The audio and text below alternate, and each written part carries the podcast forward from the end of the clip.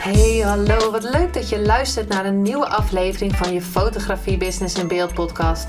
De fotografie podcast waarin ik elke aflevering inspiratie en tips met je deel hoe je als fotograaf een succesvolle business opbouwt. Mijn naam is Linda Hemmers, fotograaf en mentor voor fotografen en ik neem je mee in de wereld van de fotografie en het ondernemen. En dat allemaal met de juiste mindset, zodat jij je ideale klant gaat aantrekken en die business opbouwt waar je altijd al van hebt gedroomd.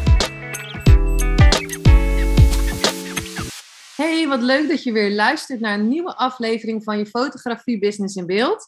En ik heb een hele week met interviews eigenlijk uh, deze week.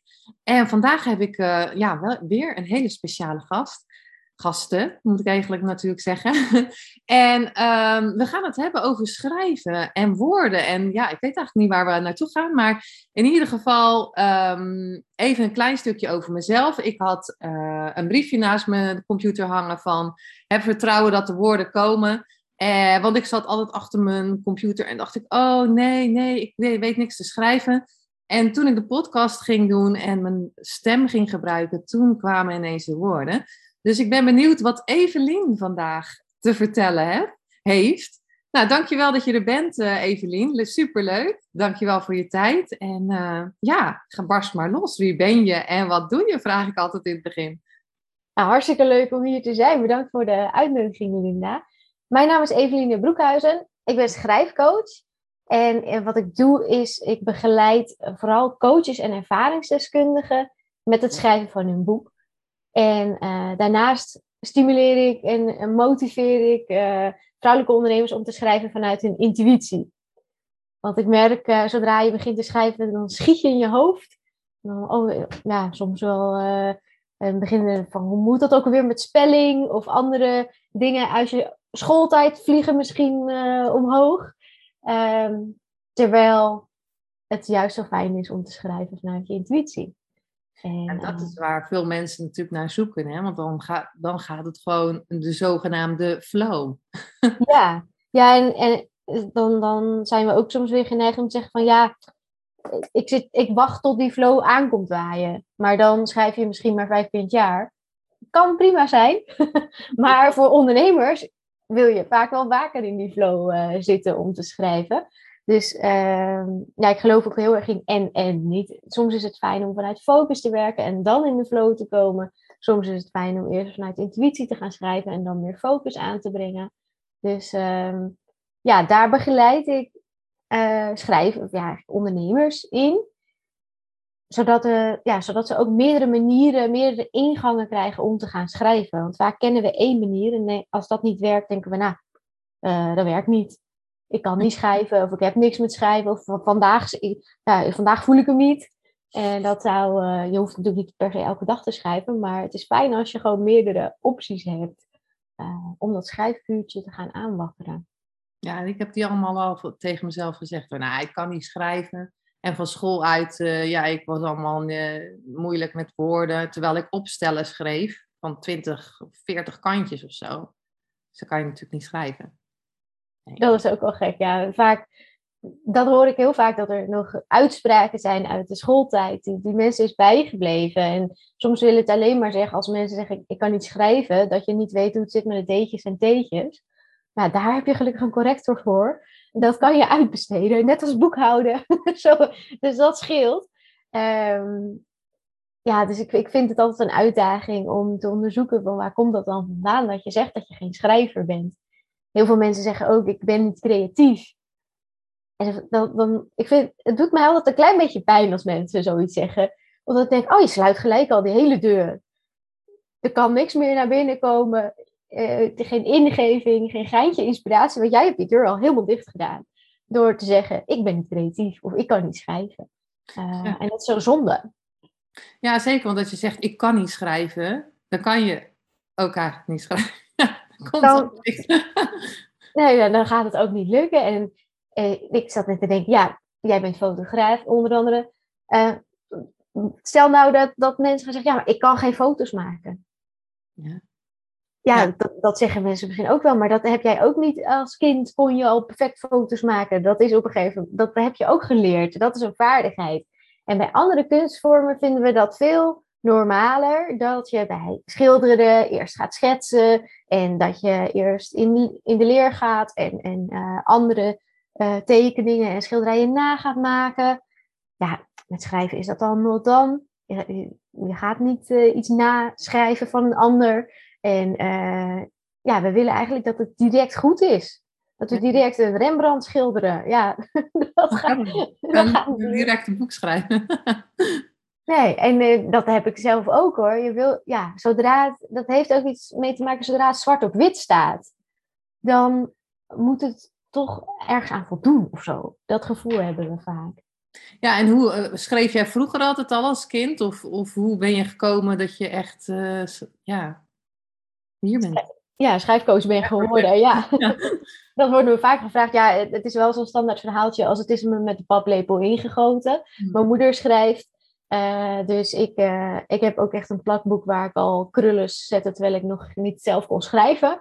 En waarin ik al op de elektrische typemachine verhaaltjes aan het maken was. Um, en uh, toen ik op mijn achttiende mocht gaan kiezen eh, welke studie ik wil doen, wilde doen. Ik was heel blij dat ik pas 18 was toen ik dat moest gaan kiezen. Want daarvoor kon ik die keuze echt nog niet maken. Maar daar heb ik ook lang over gedaan. Van wat wil ik nou? En uh, ja, ja, een beetje iets economisch waar je geld mee kan verdienen. Dat vond ik ook wel interessant. Uiteindelijk toch voor mijn passie gekozen en uh, Nederlands gaan studeren. Mm. En uh, toen ik eigenlijk vrij jong voor mijn bachelor was afgestudeerd, was het ja, en nu dan kan je gaan lesgeven of de wetenschap in. Nou ja, het onderwijs daar kwam ik net vandaan als leerling. Dus dat zag ik nog niet zitten op mijn 21ste.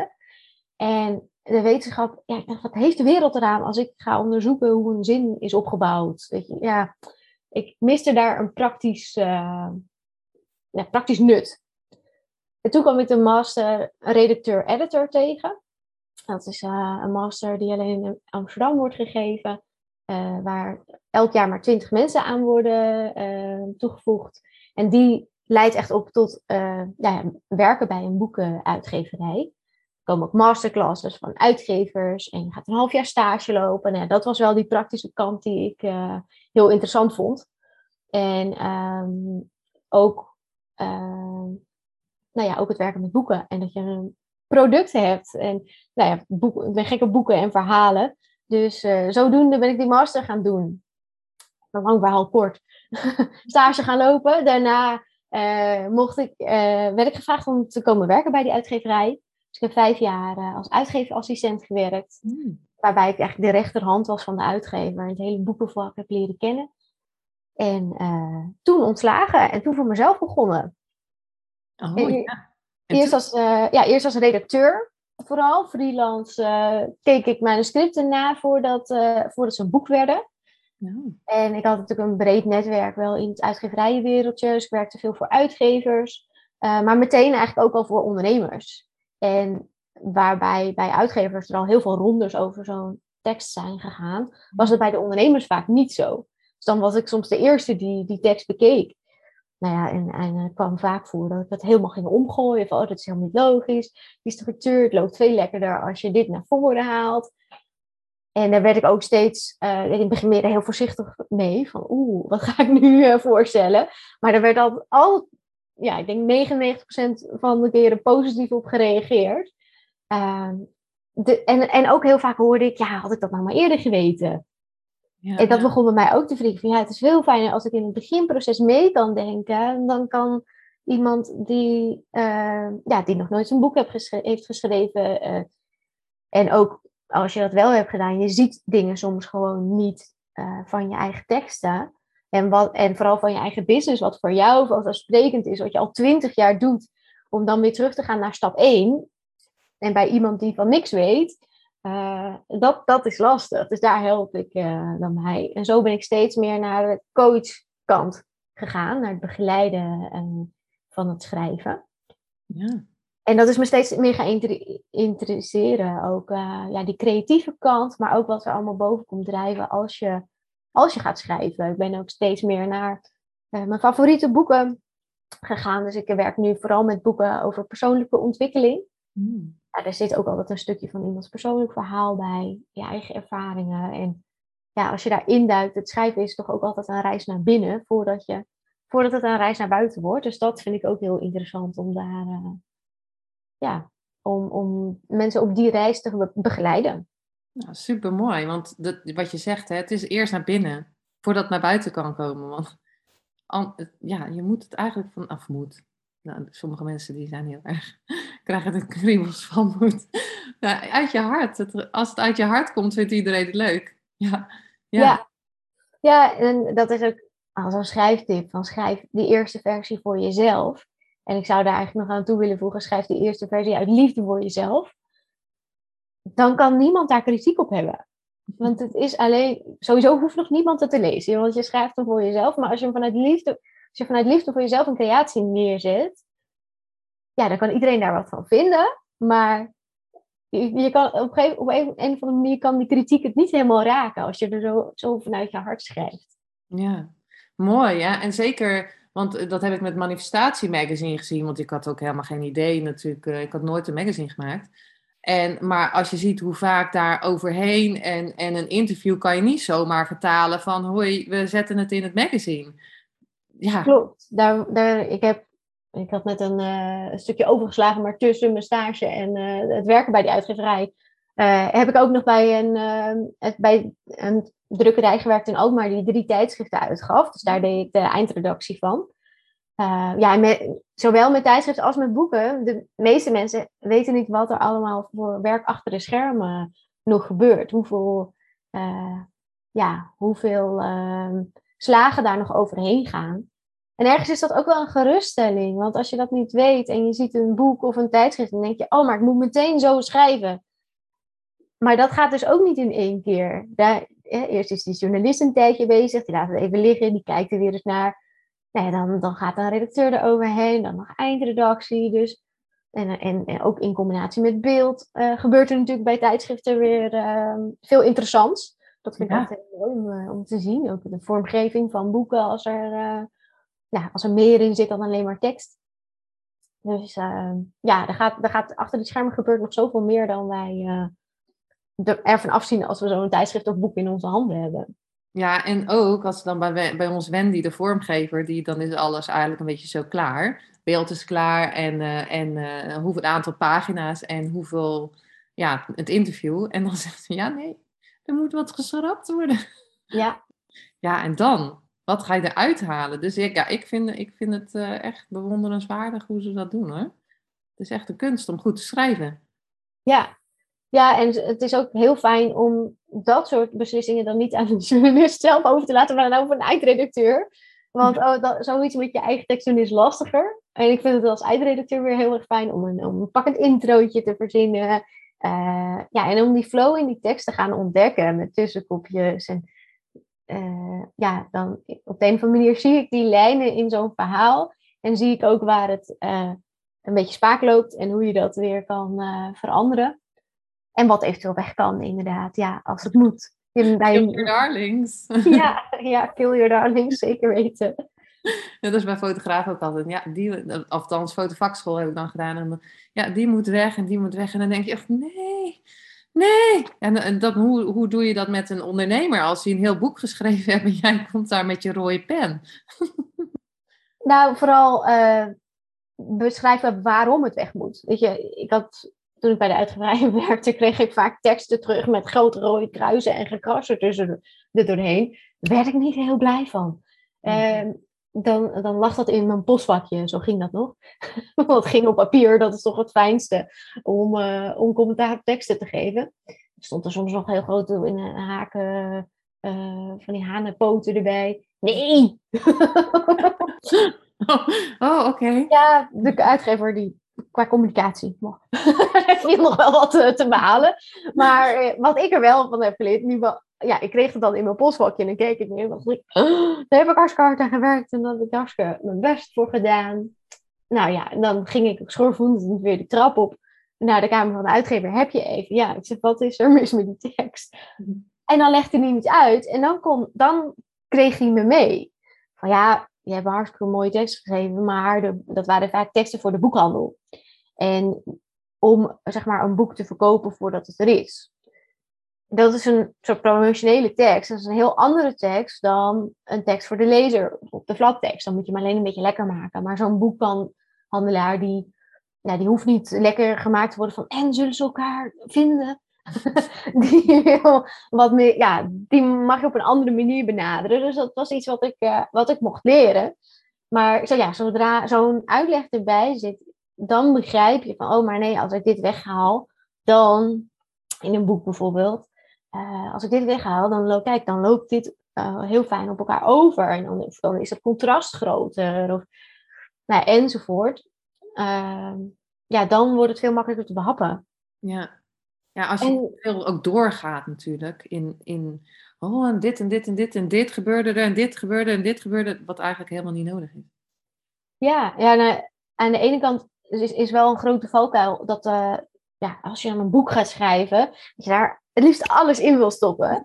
En, en dat lukt gewoon niet. Uh, want je kan niet je hele leven, alles wat jij hebt meegemaakt, in een boek uh, stoppen. Dus in eerste instantie is dat wel een kwestie van focus aanbrengen. En waar gaat het nou ten diepste om? En als je dat weet, dan heb je eigenlijk twee, ja, twee voordelen al. Ten eerste kan je altijd terug naar, naar dat gevoel als het even tegen zit. Dus je voelt, oh ja, maar hier gaat het om, hier doe ik het voor. Dus een soort drive, een innerlijke noodzaak die je ook nodig hebt om het schrijven gewoon vol te blijven houden. Want een boek schrijven, ja, daar moet je wel wat zitvlees voor hebben. um, en ten tweede helpt het je om focus aan te brengen. Van ja, voeg dit echt iets toe. Want alles in een boek, al is het de kleur van uh, de bloemetjes op iemands shirtje, heeft, staat daar om een reden. Dus zolang, die, zolang er een reden is, en hoe klein ook, uh, ja, maar waar toets je dat dan aan? Nou ja, daar helpt het natuurlijk mee, maar daar helpt die, die, die dieper liggende focus uh, ook bij. En nou ja, dan wordt het makkelijker om, om te schrappen. Ja, en heb je dan met het schrappen dat, je, dat, dat die ondernemer dan ja, toch ook wel weer uh, om een, ja, een, een, een, een drempel heen moet van ja, ben ik wel goed genoeg? Hè? Want het kan ook zijn dat je natuurlijk krijgt van oh ja, het is toch iets van die ondernemer dat je daar moeite mee hebt. Ja, vaak. Ik merk toch dat veel ondernemers zich wat schrijven betreft wel, uh, uh, ja, wel zo opstellen van, nou ja, als jij, ik ben bij jou omdat jij weet hoe het werkt om een boek te schrijven. Uh, dus als jij zegt dat dat werkt voor mijn boek, dan is dat oké. En natuurlijk maak ik, vertel ik het nu heel simpel, maar gewoon in dat proces nemen ze dat aan.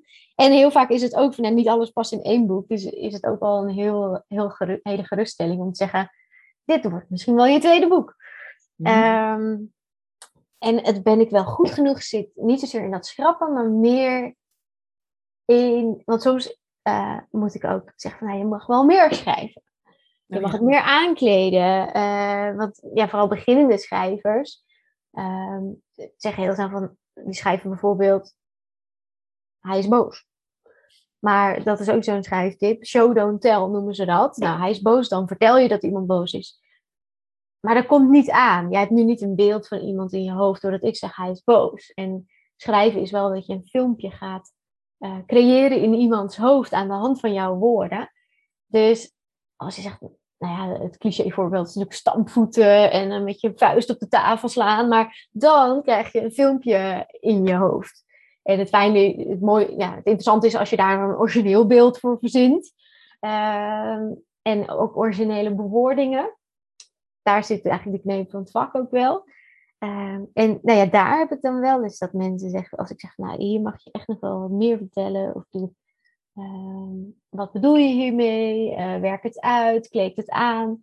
Dat mensen daar zeggen van, nou ben, ben ik wel goed genoeg? Eh, ja, het, Zit er al, het hangt er altijd wel onder. Op de een of andere manier is een boek schrijven wat dat betreft ook weer next level. Dat met je als ondernemer heb je wel geleerd om zichtbaar te zijn. En ben je ook wel soms wat posts aan schrijven. En uh, ja, ben, heb je al heel wat shifts doorgemaakt naar, ja, ik ben wel goed genoeg. Uh, ik ben goed en ik ben genoeg, zeggen we wel het liefst. Um, maar het schrijven is daar weer een, ja, een, nieuw, ja, een nieuw level in. Ja. Uh, ook omdat je het weer doorleeft tijdens het schrijven. Dus ja, daarin is vooral heel belangrijk om mild voor jezelf te zijn. Je hoeft het niet in één keer goed uh, te kunnen. Het mag dus in fase. En het is vooral ook die, kijk naar de voortgang. Kijk naar, naar wat, je al, wat al wel lukt. Ja, dat sowieso inderdaad. Want eh, wat ik inderdaad ook hoor in mijn groep uh, op, Facebook bijvoorbeeld. Ja, ik moet vijf keer in de week of zeven keer in de week posten op Instagram. En dan moet je dan allemaal teksten bij gaan verzinnen. En dan iedereen denkt, ah. Ah iedereen niet, iedereen. Maar heel vaak hoor je dat van... Ja, dan komt er een druk op.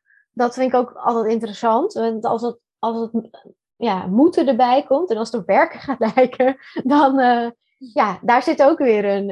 Heel veel mensen kunnen, heel, kunnen wel heel fijn vanuit een intuïtie schrijven. Maar als het dan moeten wordt, want er moet een post, oh, ik moet iets schrijven voor mijn salespagina. Uh, ja, dan komt er een druk op die, waar, ja, waar creativiteit niet in gedijt.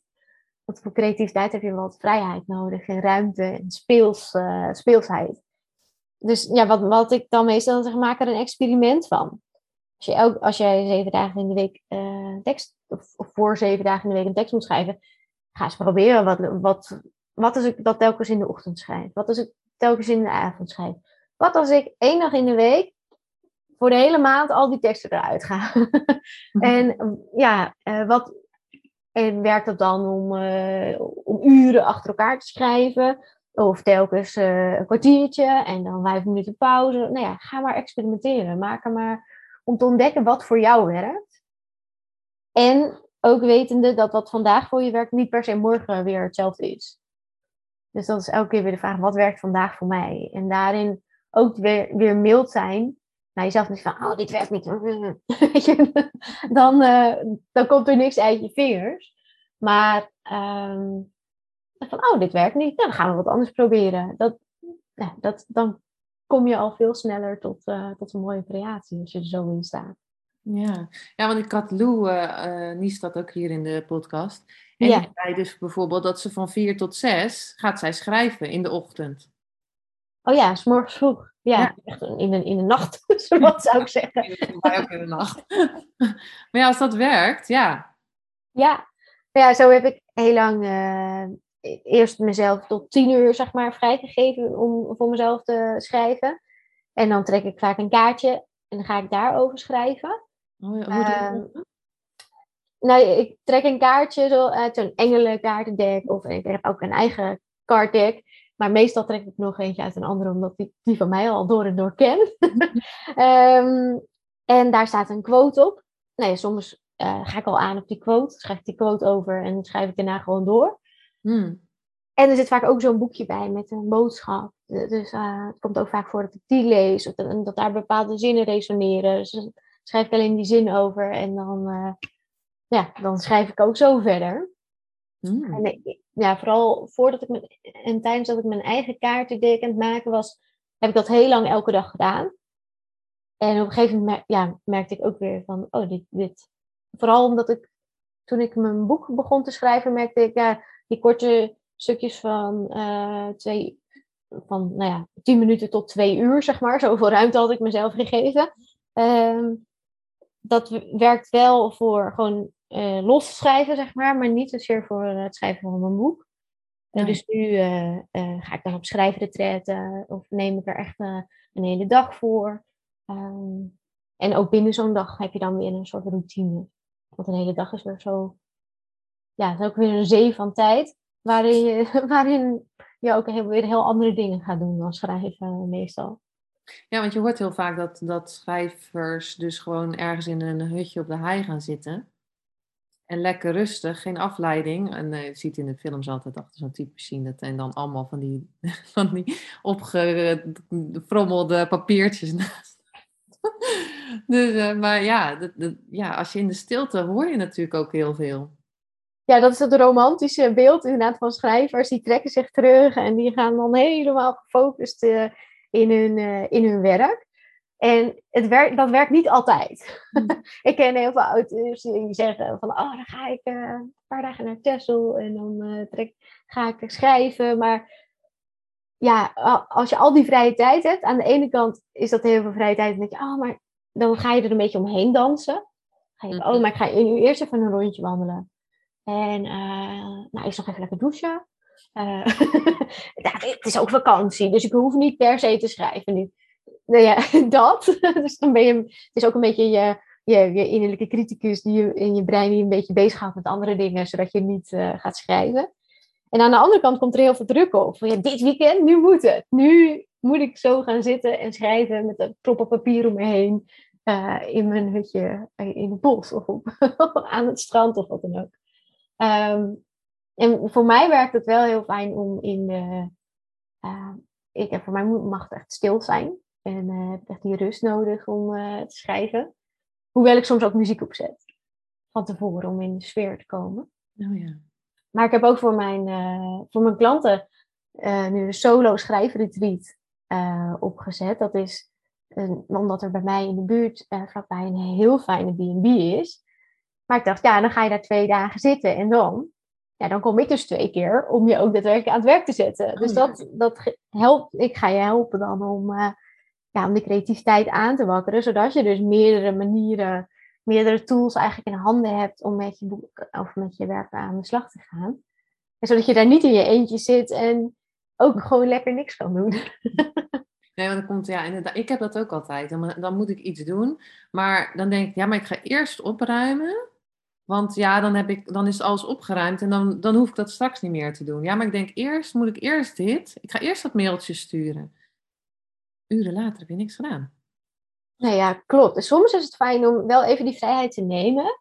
Ik, ik, heb ook, nee, ik ben dan niet zo'n ochtendpersoon die direct in zijn ochtendroutine uh, gaat. Dus ik vind het heel lekker om eerst een beetje, ja, wij noemen dat dan te studderen in de keuken. Een beetje opruimen. Dat, dat, geeft, dat geeft ook wat rust in mijn brein. Want anders ja, dan is een beetje inzettelen, zeg maar, in de dag. Mhm. Um, maar het is ook een strategie, een soort uh, ja, verstopstrategie, om maar niet, ja, je danst als het ware om dat ding heen waar je eigenlijk aan wil beginnen.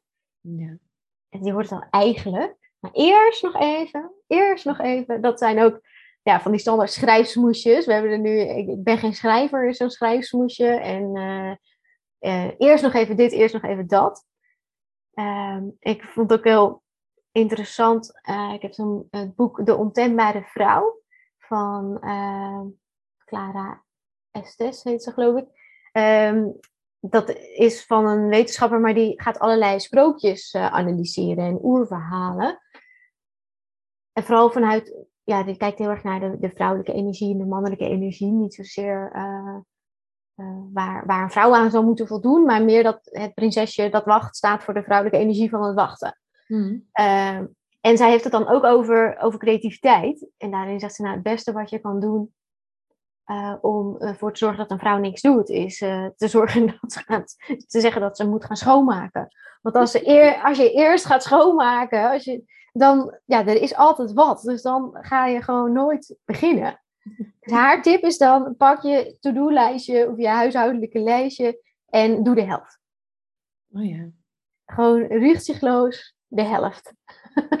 en die andere tijd, dat is jouw tijd. En daarin kun je gaan creëren. Ja. ja, want ik merk ook wel, eh, soms dan zit, je, zit ik echt te, te staren naar een ding en denk, oh, moet ik wel doen. Maar als ik dan een half uurtje ga wandelen en dan heb ik het daarna binnen een half uur gedaan. Ja. Eerst uren ernaar zitten kijken.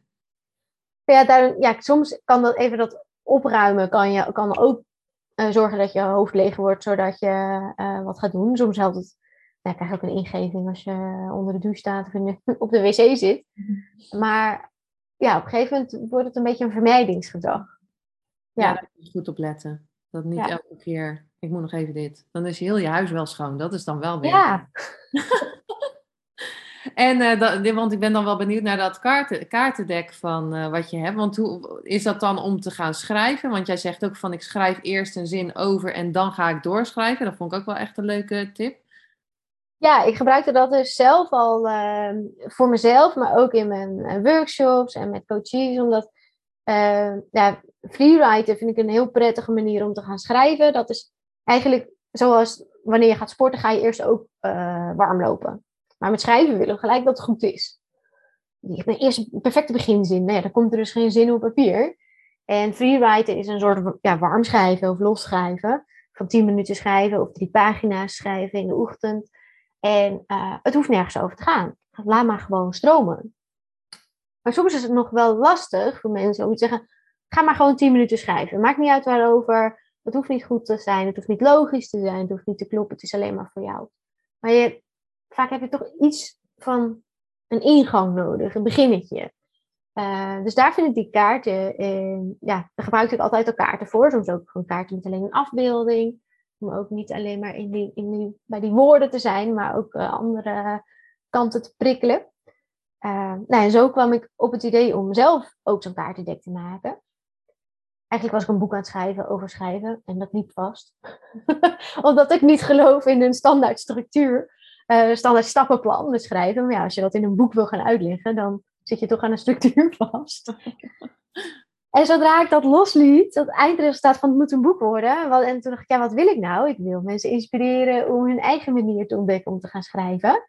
En om los te laten dat het volgens een bepaalde manier moet. Nou ja, hoe fijn is het als je dus zo'n heel kaartendek hebt. Met 52 kaarten zijn het geworden. En nou kies je er eentje uit op intuïtie. Mm. En met die kaart ga je aan de slag. Uh, waardoor je dus nooit nou, waardoor je dus geen vaste volgorde hebt, maar omdat je, ja, misschien ken je dat als je engelenkaarten of uh, andere card wel eens gebruikt. Op de een of andere manier pak je altijd een kaart. Ja, de goede die iets voor jou betekent, die op dit moment iets wil zeggen. En wat doe je dan vaak? Dat je, oh ja, ja.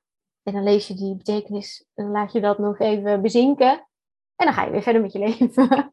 maar hoe fijn is het ook om er dan over te gaan schrijven? Omdat je dan nog een wat lagen dieper gaat. Want ja, je vertaalt het dan ook naar je eigen situatie. En heel vaak merk ik dus dat er bij mij, dat, dat ik ook, uh, ja, dat er bij mij ook een, iets loskomt. Dat ik ook een beetje begin te oreren over zo'n uh, over zo'n onderwerp. Wat, an, ja, wat anders vaak onder allerlei lagen van hoe het hoort en hoe het zou moeten uh, verborgen ligt. Ja. Um, dus mijn kaartendek bestaat uit 52 kaarten. Er staat een quote op. Mm. Aan de hand van die quote kan je of gaan freewriten of wat een mindmap maken. Dus dat werkt wel fijn als een, eh, als een beginnetje. En er zit een boekje bij met een stukje tekst. Ik vind het ook vaak leuk als je eerst zelf wat gaat schrijven en dan die tekst ernaast legt. Dat kan dan ook weer voor nieuwe inzichten zorgen. En er zit ook nog een schrijfoefening uh, of schrijfopdracht bij. Dus dat is echt geen excuus meer om niet te schrijven. Voor mensen die zeggen van ja, zo'n tekstje, heb ik, weet je, ik heb e-, even nodig dat iemand zegt, doe dit. uh, soms is dat ook heel fijn. En uh, het zijn verschillende opdrachten hoor. Uh, soms is het echt gewoon een vraag of meer een, een soort journaling vraag. Ehm, ja, om contact te maken met die, met die diepere lagen in jezelf, waardoor, waardoor er ineens een verhaal naar boven komt waarvan je niet wist dat het eigenlijk in je zat. Dat vind ik het mooiste eraan. Ja, dus in iedereen zit een verhaal. Ja, ja. Ja, ik geloof dat ook. ja, ja en, als je er gaat bedenken van, oh, wat is dan mijn verhaal? Ja, dan, dan, dan zit weer in het hoofd en dan loop je al snel vast. Dus de beste manier om het te ontdekken is om te gaan schrijven. En heel vaak verras je jezelf. Je zal merken, als je daar uh, ja, als je daarmee gaat oefenen, bijvoorbeeld elke dag s ochtends drie pagina's vol schrijven, op een gegeven moment gaat die pen vanzelf. En dan lijkt het ook alsof je geleid wordt. Um, en dan denk je, hé, hey, wat komt hier voor verhaal uit? Dat had ik nooit kunnen bedenken.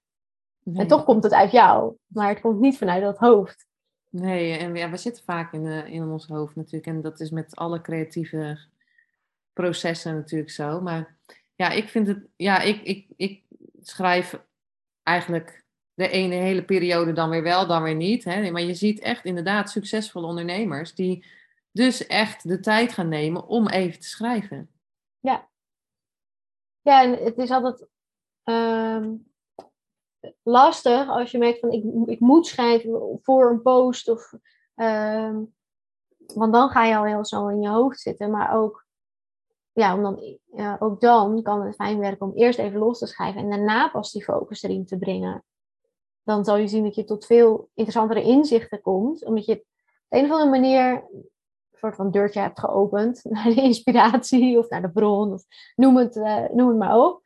Waar, ja, waardoor je op andere inzichten komt dan wanneer je puur vanuit, uh, vanuit je gedachten doet. Ja, en ik denk dat je over alles hè, zoals ik zei in het begin, ik, ik schreef een, een, een opstel over, wat ik denk dat 40 kantjes was of zo, over een konijn of zo. Ja. Het hele verhaal ging over dat konijn. Maar ja, ik denk dat je, laatst zei ik ook tegen iemand van ja, die ik weet niet, ik weet niet wat voor stories, wat voor stories moet maken. Ik zeg nou, het soort story kan ook over sokken gaan. En toen hadden wij dus dat hij, hij zei dat ik, hij had nieuwe sokken. En toen had hij gezegd, Linda, kijk, mijn sokkenverhaal, weet je wel. En ik had weer gezegd, kijk, deze sokken heb ik aan. En toen zo hadden we allebei zo'n heel verhaal gekregen eigenlijk over die sokken. Dus, uh, en toen heb ik zelfs ook nog van mensen foto's gekregen van welke sokken ze aan hadden. Dus het kan gewoon over echt iets, heel onbenullig zijn, waar je dus echt een verhaal over kan maken.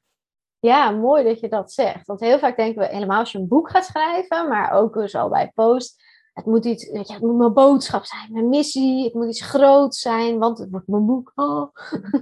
um, maar ja, de devil is in de detail. Juist de kleinste verhalen, uh, die, die zijn het interessantste. Die, die, daarmee bouw je aan het grote verhaal. Dus geen verhaal is te klein. Ja, wees niet bang om die, om die details. En juist ook als een, dat is ook een van de tips, uh, voor als het schrijven te zwaar voelt, als het heel emotioneel is, begin heel klein. Eén, object wat je ergens aan moet denken. Of, maar ja, ook zoiets dagdagen. Ja, dat zie ik heel vaak ook bij ondernemers. Dingen die zij voor vanzelfsprekend houden. Dus ook gewoon in, in dagelijkse doen kan voor een ander hartstikke interessant zijn. Ja, we willen allemaal graag even meekijken in jouw interieur en uh, in jouw kledingkast. En ja, hoe interessant is dat?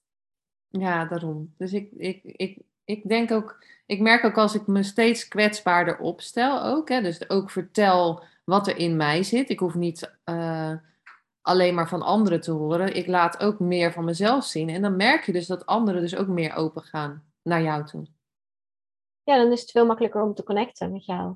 Ja. En met een verhaal werkt het ook zo dat zodra iemand uh, een verhaal vertelt, dan gaat je brein ook meer openstaan, ook voor andere informatie. Terwijl als je met allemaal feiten komt, dan komt dat niet echt binnen. Dan nemen we dat wel aan, maar we zijn het ook zo weer vergeten. Ja. ja. En uh, qua storytelling, heb je daar nog een paar tips over, um, misschien voor degene die luistert? Ja, nou ja, sowieso is het uh, zijn er al een paar langsgekomen. Ja. Belangrijke storytelling tips zijn ook wel, uh, ja, ook dus dat geen, geen verhaal te klein is. We willen graag een grote schijnwerper ergens op uh, uh, werpen, maar juist met al die kleine lichtjes maken we samen die grote schijnwerper. Dat vind ik altijd een heel mooi beeld. Volgens mij, ik weet niet of die nou van Brené Brown is. Volgens mij wel. Um, en met, met storytelling um, even denken, wat, want ik heb meteen een bak aan tips nu in mijn hoofd. Dus ik ben dan even aan het bedenken, wat, wat is er handig om mee te, mee te geven? Uh, nou ja, elk verhaal is eigenlijk een reis. En je mag dus ook telkens inzoomen op een stukje van die reis. Dus als jij, ik uh, kan me voorstellen dat veel ondernemers naar jouw podcast luisteren, die misschien niet meteen een boek willen schrijven, maar vooral content. Mm. Uh, ja, dan kan het ook heel interessant zijn om naar je klantreis te kijken. Of naar, uh, ja, wat. Ik zie dat daar vaak nog weinig over gedeeld wordt. Dus waar gaat jouw klant doorheen? Uh, op welke drempel staat hij voordat hij contact opneemt met jou? Uh, wat doe jij samen met die klant? Wat is het eindresultaat? Dat zijn natuurlijk wel die standaard tips, maar toch om, ja, wanneer je dat gaat zien als een reis, van, oh ja, uh, er is een verlangen dat iemand ergens naartoe wil. En uh, nou, voordat iemand in beweging komt, voordat ze op weg gaan, daar moet al wat gebeuren. Dan, komt, dan moet hij die drempel over. Dan komt hij in de wijde boze wereld. Dan komt, komt hij van alles tegen. Dingen die nieuw zijn, die hij niet kent. Maar ook echt obstakels. Weet je, hoe ga je daarmee om? Daar zit, uh, daar zit de groei. En daar zit ook het verhaal meestal.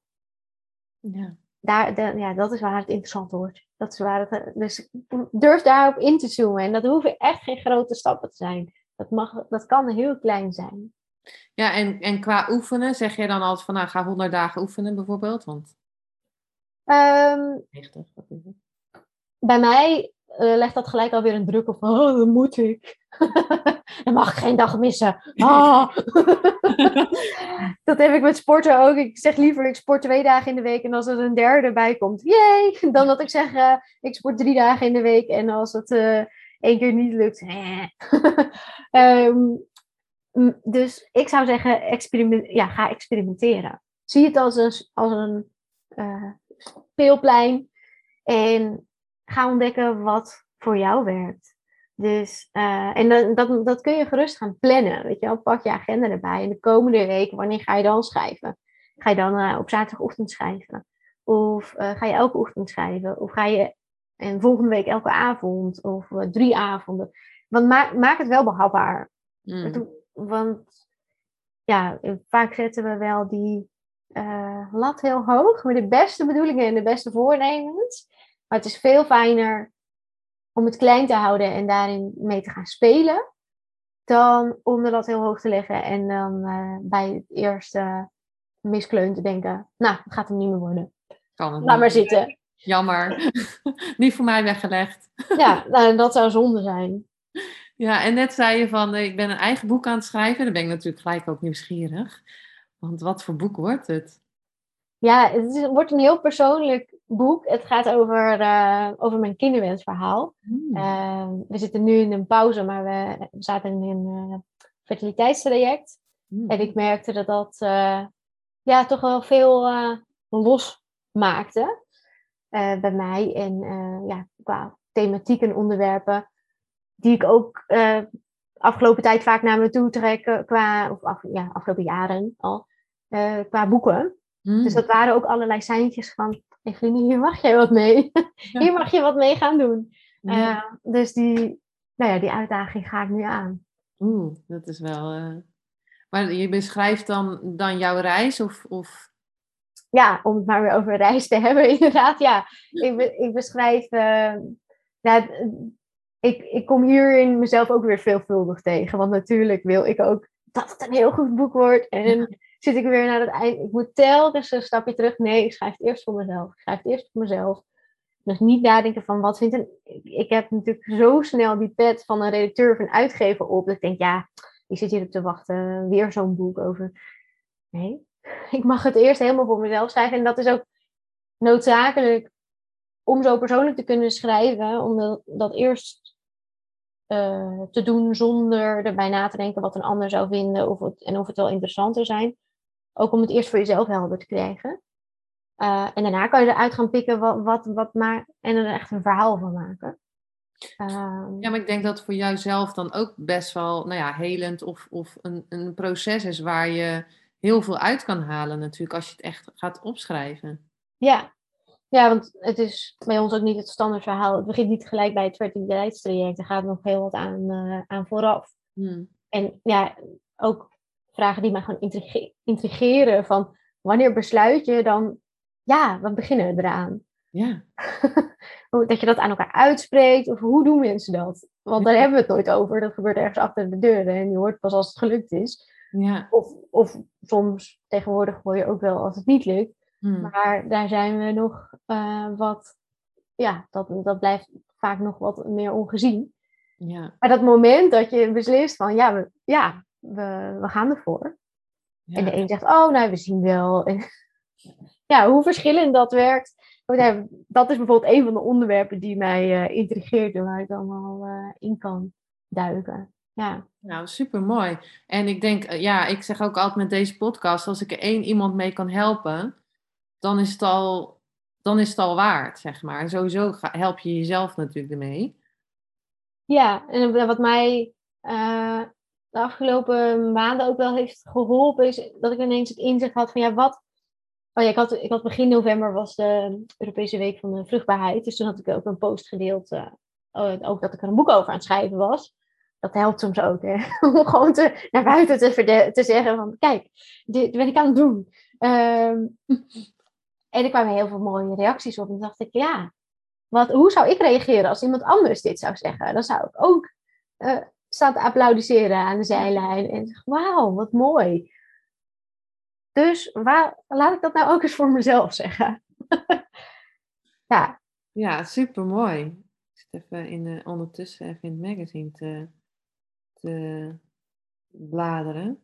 En, en heb je trouwens, je hebt natuurlijk nog geen datum voor je boek, toch? Of, nee, nee, nee, het is echt een, een work in progress. Ik ben net weer op schrijfretraite geweest en daar heb ik wel wat stappen kunnen zetten. Dus ik, ik, heb nou echt het hele voortraject wel beschreven. En nu komt echt het uh, fertiliteitstraject, wat ik toen wel heb bijgehouden. Maar dat uh, mag nog veel meer gaan uitwerken. En ik ga het ook vervlechten. Want op de een of andere manier, ja, of, ja rond de geboorte van een kind is ook een creatieproces. Mm En er komt heel veel bij kijken wat ook met een boek te maken heeft. Ja. Want ook, ja, als je als kinderen krijgen niet echt uh, vanzelf gaat, dan ga je, ga je ook moeten en afspraken en bijhouden. Allemaal dingen die ik eigenlijk een beetje afgeleerd was. Omdat ik, omdat ik vroeger heel erg van het streven en het moeten en het lukken. Je hebt natuurlijk elke maand een teleurstelling. Een soort ja, moment van falen of ik ben niet goed genoeg. Dus dat, dat uh, maakt weer heel veel los. Wat ja, rond uh, schrijven of creëren. dus daar, daar, gaan, daar gaan, heb ik nu ook ben ik aan het kijken hoe die verhaallijnen als daar uh, erin uh, mee kan lopen. Ja, dat is super mooi, want dat zeggen ze ook heel vaak, hè? dat, dat de, de, een geboorte van een boek is. Ja, ja, dat zeg ik zelf ook vaak. en ja, mensen vragen dan ook, ja, hoe lang duurt dat dan, dat schrijven? Ja, hoe lang het nodig heeft, maar op zijn minst negen maanden. ja, dat is inderdaad wel inderdaad. Ja. Nou, ik ben echt ja, sowieso eh, benieuwd naar je boek natuurlijk nu. Want, uh, en en in, in dat boek beschrijf je alleen maar ja, jouw eigen verhaal of ook van, uh, van je partner? Um, tot nu toe vooral mijn eigen verhaal. Um, ik heb ook wel gedacht of ook nog andere mensen of te interviewen. Uh, en dan wellicht ook mijn partner. Maar dat zit er nu nog niet in. En um, ja, ik, ik, vraag me af en toe wel, wat doet het met jou? En ja. Mijn mannen zitten daar toch wel anders in. Ja. Zo, ja. ja. ja ik denk, ja, ik denk dat dat nog wel, waar nu dat ik echt naar dat fertiliteitsgedeelte uh, ga, uh, dat, dat dat wel wat meer aan de orde komt. Uh, ik heb bijvoorbeeld wel aan hem gemerkt dat hij het heel fijn vond dat het niet aan hem lag. Nee. Dat was toch wel een, uh, ja, dat, dat, dat was toch wel een uh, opluchting. Ja, ja. Daar, daar zit dan wel ook een stukje mannelijk ego van, ja, dat is wel fijn als dat gewoon goed is. dat, dat het aan niemand ligt, toch? Het is, het, is, het is hoe het moet gaan. Ja, nou ja, dat is ook weer zoiets van, je bent ook soms gedacht, waar ligt het aan? Waar ligt het aan? En dan vragen mensen ook, ja, hoe komt het dan? Nou ja, wij, wij weten dus, we, er is geen medische uh, reden waarom het niet zou lukken. Dus dat, maar het maakt het ook een beetje ongrijpbaar. Ja. Een, een diagnose is wat dat betreft soms ook wel fijn. Ja. Weet je waar jij aan moet werken. En wat je daar kan doen en wat je kansen zijn. Maar nu is het zo van, nou ja, eigenlijk... Uh, ja, dat weten we niet. Je zijn oud, maar verder. oh. maar ja, dat, dus dat, nee, dat, dat zijn ook thema's die er dan uh, die er naar boven komen, inderdaad. En waar ik ook, waardoor ik ook een hele tijd niet dat medische traject in wilde. En niet, uh, ik loop nu wel bij een orthomoleculair therapeut bijvoorbeeld, maar ik waakte er zo voor om niet te gaan denken van, oh, er is iets mis met mij, waar moet ik aan werken? Om vanuit die energie te gaan, ermee aan de slag te gaan. Ja, maar hetzelfde wat we net zeiden, ik kan niet schrijven of, of er is wat mis met mij, want ik kan, niet, ik kan geen posts maken of ik kan niet schrijven of ik weet niet wat mijn verhaal is. Maar dat is dan het onderzoeken waar, waar het dan zit of, of waar het nergens zit. Of misschien wil je niet iets loslaten of zo, hè? dat kan natuurlijk ook. Ja. ja, en het is lastig om, om zeg maar na, na vier jaar elke maand teleurstelling bijna om niet in die energie te gaan zitten van het lukt niet. Nee. Want die energie wil je eigenlijk niet hebben. Maar ja, soms komt die wel gewoon. ja, als je, ja, je hoort vaak als je dan loslaat dat er andere dingen gebeuren natuurlijk. Maar ja, dat is, in, ja. dat het moeilijk inderdaad. Zeker. En dat zijn ook weer van die dingen dat je oh, ik ga het nu loslaten. eigenlijk. nu loslaten. Ja, eigenlijk hoop ik stiekem dat dat dan werkt.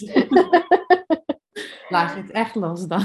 Ja, ja, voor mij in de afgelopen tijd heeft het wel geholpen om uh, echt uh, te omarmen. Dat het ook, want je, je wil niet zielig zijn. En eigenlijk is er met mij niks aan de hand. En er zijn vrouwen die hebben nog veel ergere dingen meegemaakt. Uh, maar, en we zijn allemaal zo van, oh, slachtofferrol, daar wil je niet in zitten. Maar ergens mag je ook wel omarmen hoe erg het is. Ja. Ook al is het bij een ander erger. Ook al kan het nog erger. Het is ook erg. Ja. Dus dat, nee, dat, is, dat is wel wat het schrijven mij de afgelopen tijd heeft uh, gebracht. Ja. ja, dat is wel mooi dat je dat zegt. Dat je ook gewoon mag kijken dat het gewoon soms kut is. Mag ik dit zeggen? Ja. ja. nou ja, want ik heb één, één mijn, mijn kind is 18. En waarom gaan we naar dit onderwerp? Weet ik niet. Het moet altijd gewoon zo zijn. Maar ik heb 18 en ik dacht altijd van ja, ik wil al nog graag uh, nog een baby. En ik ben nu 45, dus die komt er niet meer. Maar als ik dan ook zie wat voor stiefkindjes er onderweg voorbij zijn gekomen, dat zijn al nu ongeveer negen of zo. Ja, als je dan daarna gaat kijken hoeveel kinderen er in mijn, naast mij hebben gelopen, dan, dan vind ik dat super mooi. En dat, ja, als, als het niet voor mij is, maar van een ander kan je er ook van houden. Dus, uh, ja, mooi. Dat je er ja. zo naar uh, kan kijken. Ja. Nou ja, goed. Ik heb ook wel, ik ook wel door een proces geweest doordat het dan, dat ik ook mocht kijken dat het ook zo gewoon soms stom is. Ja. Mag ja. het Het is gewoon stom. Dus, dus ja. Ja, en dat, ja, het is niet allemaal maakbaar, want we kunnen hartstikke veel. Met, uh, in, ja, medisch ook. Uh, en ja, je wordt toch een beetje opgegroeid met als je, als je maar je best doet, ja. dan lukt het wel. Um, nou ja, en om daarin, om dat enigszins los te laten, maar ik heb niet alles zelf in de hand, maar en ja, dat stukje loslaten, dat is wel, uh, wel mooi. En, en dan kijken inderdaad naar wat je wel hebt en uh, waar je wel blij van wordt. Ja, dat is ook ja, in het kader van manifestatie magazine uh, nog steeds voor mij een, nog steeds een uitdaging en een, een, ja, een grote leerschool om daarin te blijven shiften in energie. En, ja, en ook ruimte te maken voor die teleurstelling. Want het is ook, zeggen, ze noemen het wel opgestapelde rouw, omdat je elke maand eigenlijk niet de tijd neemt om dat uh, ja, te verwerken. Want we volgende maand. en nu neem ik die tijd wel ik ga niet gelijk in, in de volgende. Kom, kom, chop, chop, we moeten. ja, maar ja, als je daar, daar geen. Weet je, je kan wel meteen zeggen van, oh, ik shift naar, ik ga weer naar, oh, wat maakt me blij, wat maakt me dankbaar. Maar als je niet eerst echt even die, die lage energie voelt, ja. dat die er helemaal mag zijn, dan kan je, anders kan je hem ook niet shiften. Nee. Nee. Ja, een heel ander gesprek inderdaad. maar de, de, geboorte van je boek, uh, ja, ja, sowieso uh, vind ik wel mooi dat je, dat je zeker die, uh, ja, dat, dat zo kan zien. Want ik denk als je dat, ja, als je dat kan beschrijven, dat is super mooi. Ja, ja, jij zei net van, hé, waarom, waarom zeg ik dit nu? Maar ergens dat je dit uitspreekt, daar gaat ook zoveel kracht, daar zit zoveel kracht in. Ja. ja, kan je na, dat is ook wat woorden doen. En ook het uitspreken er zelf uh, ervan. Hoe vaak blijft het niet in je keel uh, stoppen?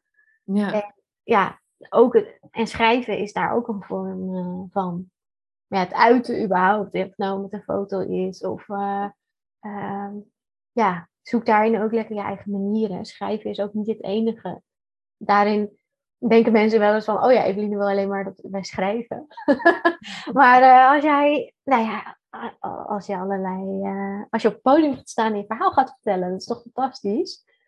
En, ja, en, en daarom laat ik het ook altijd gaan, hè, hoe, hoe het gesprek gaat. Want er is altijd een reden waarom wij dit gesprek nu hebben. Dat, dat geloof ik echt. Dat moment moet gewoon nu zijn. En ik geloof ook uh, ja, dat voor alles een reden is. Dus als jij inderdaad met struggelt met schrijven, dan is daar ook een reden voor. En dan, ja, er, er, er, jouw verhaal, in iedereen zit het verhaal. In iedereen is iets unieks en, en heeft een verhaal. Ja. Ja, net zoals dat ik vraag van wat doe je en hoe ben je hier gekomen. Iedereen heeft een ander verhaal. Ja, ja en, dat, en dat uitspreken en dat, dat, is ook een vorm van dat eren. Op de een of andere manier. En, ja, om dat ook vrij te maken, begin ik ook heel vaak in mijn workshops en in mijn uh, coaching met een meditatie. ook om je keelgebied vrij te maken en om je onderbuik te weten van, oh, het is veilig, ik mag dit vertellen. Want hoe vaak ja, in de geschiedenis heeft dat niet gemogen. Nee. En nu nog steeds. In, uh, ja. Ja. Dus, ja, dat, daar, daar, gaat, er gaat zoveel meer rond dan alleen maar... Uh, oh, dit is mijn boodschap, hier ga ik over schrijven. Ja, ja zeker. En ik, ik heb uh, laatst een, een Touch of Matrix gedaan. En dat, mijn vraag was, ik wil meer voelen. Want ik zei altijd van, ik voel niks. Oh ja. Nee, nee ik, kan niet, ja, ik kan dat gewoon niet. Hetzelfde als creatief zijn, ik kan niks voelen. dat, dat was ook zo, want ik had het natuurlijk gewoon allemaal afgesloten, tjak. En uh, ik had laatst hier een, een, een, conflict op mijn verjaardag, daar ga ik voor de rest niet op in. Maar toen heb ik ook gezegd, waarom, waarom wilde ik ook weer voelen? Ja. Dat is stom. Waarschijnlijk kon je niet, heb je het heel lang niet kunnen voelen tussen haakjes, omdat je het veel te veel was en je er niet mee om kon gaan. Ja, ja dus dat was wel echt grappig. En dacht ik, oh, nou, dat, dat, voelen is, dat voelen is ook stom. Ja, het brengt niet alleen maar leuke dingen mee. Nee, dat, dat, dat merk je ook tijdens het schrijven weer. Van ja, hallo, waarom moet dit allemaal bovenkomen? Waarom kan ik niet gewoon even een snel leuk verhaaltje schrijven? ja, het is, dat is wat we moeten, moet, ja, het zit in je en dat moet uit, uit je komen natuurlijk. Ja. ja. Ik vind het echt, eh, ja, dit verhaal is alweer super mooi geworden. Je hebt al heel veel tips uh, gedeeld, Evelien. Uh, Dank je wel daarvoor. Heb je nog een laatste ding dat je wil meegeven? Of als iemand een boek wil schrijven of uh, ja, wil beginnen? Um, nou, ik vind het sowieso leuk als, als jullie me willen volgen op evelinebroekhuizen.com of op uh, Insta. We zullen vast wel elkaar taggen zodra deze podcast uitkomt. Um, want daar trek ik, op Insta trek ik bijvoorbeeld elke vrijdag ook een kaartje uit mijn kaartenwerk. Dus als je merkt van nou, ergens roept mijn verhaal, mm. maar ik durf nog niet helemaal, begin dan uh, op, die, op zo'n kleine manier. Mm. Um, en als je merkt dat iets houdt me nog tegen, ik heb ook een mooie uh, e-book gemaakt met negen schrijfsmoesjes. Dus als je, als je wat meer. En, en negen uh, schrijfstarters om, om mee aan de slag te gaan. Zodat je die schrijfsmoesjes dus uit de weg werkt. Mm-hmm. Um, dus die kun je ook downloaden op mijn website. dat zijn echt de kleine manieren om alvast te starten. Ja. En merk je, ja, ik heb echt wel een groot verhaal te vertellen. En dit is nu mijn teken dat ik met mijn boek aan de slag mag gaan daar kun je natuurlijk ook altijd een kennismakingsgesprek uh, inboeken. Ja, of DM me gewoon even. Ik ben heel, heel bereikbaar. dus maak daar geen grotere drempel van dan, ja, dan, dan zoals het misschien voelt. Want ik kan me heel goed voorstellen van, oeh ja, maar als ik even contact met Eveline, neem met Eveline, dan wordt het echt, Mm. dan ik echt ja tegen dat, dat verhaal en ja tegen dat boek. En er zijn allerlei lijntjes die je dan klein willen houden. Maar als je, ja, als je na aanleiding van dit gesprek voelt dat, dat, dat er toch echt wel iets mag gebeuren met het verhaal van jou, uh, ja, zet die kleine stap. Ja, en uh, je hebt natuurlijk ook in het Manifestatiemagazine een, uh, een stuk geschreven. Ja, klopt. Ja, ook in het eerste nummer van het Manifestatiemagazine geef ik een aantal tips hoe je schrijven kunt gebruiken om te manifesteren. Mm. Want ja, ik noemde het al even, dat, het kan eng zijn dat je woorden zwart op wit staan, maar ergens is dat ook een vorm van manifesteren. Je, je, je, je hebt gedachten en die, die waaien ergens rond, maar zodra je ze gaat opschrijven, dan komt er meer bestendigheid in. Ja. En wordt het ook makkelijker om ze te herhalen. Zoals jij ook zei, want ik heb uh, zo'n... Uh, de woorden komen tot mij. Heb je geloof ik naast je... Ja, heb vertrouwen dat de woorden komen, had ik naast me. Ja, ja ja, dat is ook al een vorm van manifesteren. Dus schrijven kan daar ontzettend uh, bij helpen. Ook om je, ja, je visie te, te verduidelijken en te verhelderen. Dat is echt wat je zegt hoor. Dat heb ik echt gemanifesteerd. Want ik heb echt heel lang, dacht ik, oh nee. En voelde ik echt, ik, ik voelde hier ook altijd uh, op mijn keel. Hè, nou ja, goed, dat heeft ook uh, te maken met, voor, gaan we ga ik dit zeggen, vorige levens. en en uh, op mijn keel. En dan um, dacht ik, ja, ik kan niet schrijven, ik mag niet schrijven, dit, dat. En dan heb ik echt dat losgelaten door te zeggen van, ik heb vertrouwen dat de woorden komen. En als ik nu zie, de vijftigste aflevering van de podcast, nou. Zo. Ja. Mooi. Ja. Ja, heel mooi om naar dat vertrouwen te gaan. Want het is niet altijd logisch weg te redeneren waarom je zeg maar, een drempel voelt. En dat, dat kan heel diep liggen.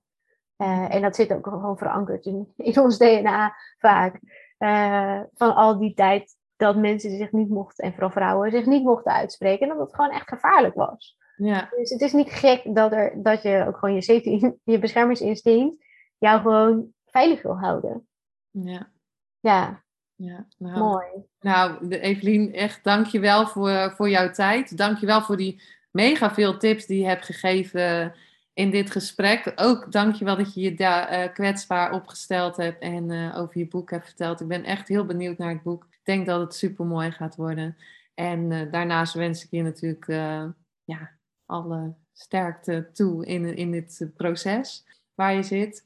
En ehm, ja, iedereen die geluisterd heeft, dank je wel eh, voor het luisteren. Ga Evelien zeker volgen. En als je benieuwd bent naar de tips, ga haar e-book eh, downloaden. Want eh, het is een heel mooi e-book geworden. De foto die, die in het manifestatiemagazine staat, die heb ik gemaakt. Die op, de, op het e-book staat. Superleuk ook. En ja, dank je wel daarvoor. Dank je wel voor het luisteren. En tot de volgende keer. Superleuk en dankjewel dat je weer luisterde naar een aflevering van je Fotografie Business in Beeld podcast. Vond je deze aflevering interessant? Maak dan een screenshot, ga naar je Instagram, plaats het in je story of feed en vertel wat je van deze aflevering vond. Zo inspireer jij weer anderen en vergeet mij vooral niet te taggen, want ik vind het superleuk om te zien wie er luistert. En wil je mijn volgende afleveringen niet missen? Ga dan naar de podcast app waar je nu mee luistert en klik op volgen, subscribe of abonneer en je ontvangt automatisch een berichtje als er een nieuwe podcast aflevering online staat. En als aller allerlaatste zou je mij nog een plezier willen doen. Ik zou het namelijk super fijn vinden als je een review achter wil laten. Hoe meer hoe beter de podcast gevonden wordt en op deze manier kan ik meer fotografen bereiken en inspireren. Dit kan je doen door naar iTunes te gaan, zoek daar de Fotografie Business in Beeld podcast, klik op beoordelingen en recensies, het aantal sterren aan en laat een korte review achter. Super bedankt voor je review en nogmaals bedankt voor het luisteren en tot de volgende keer.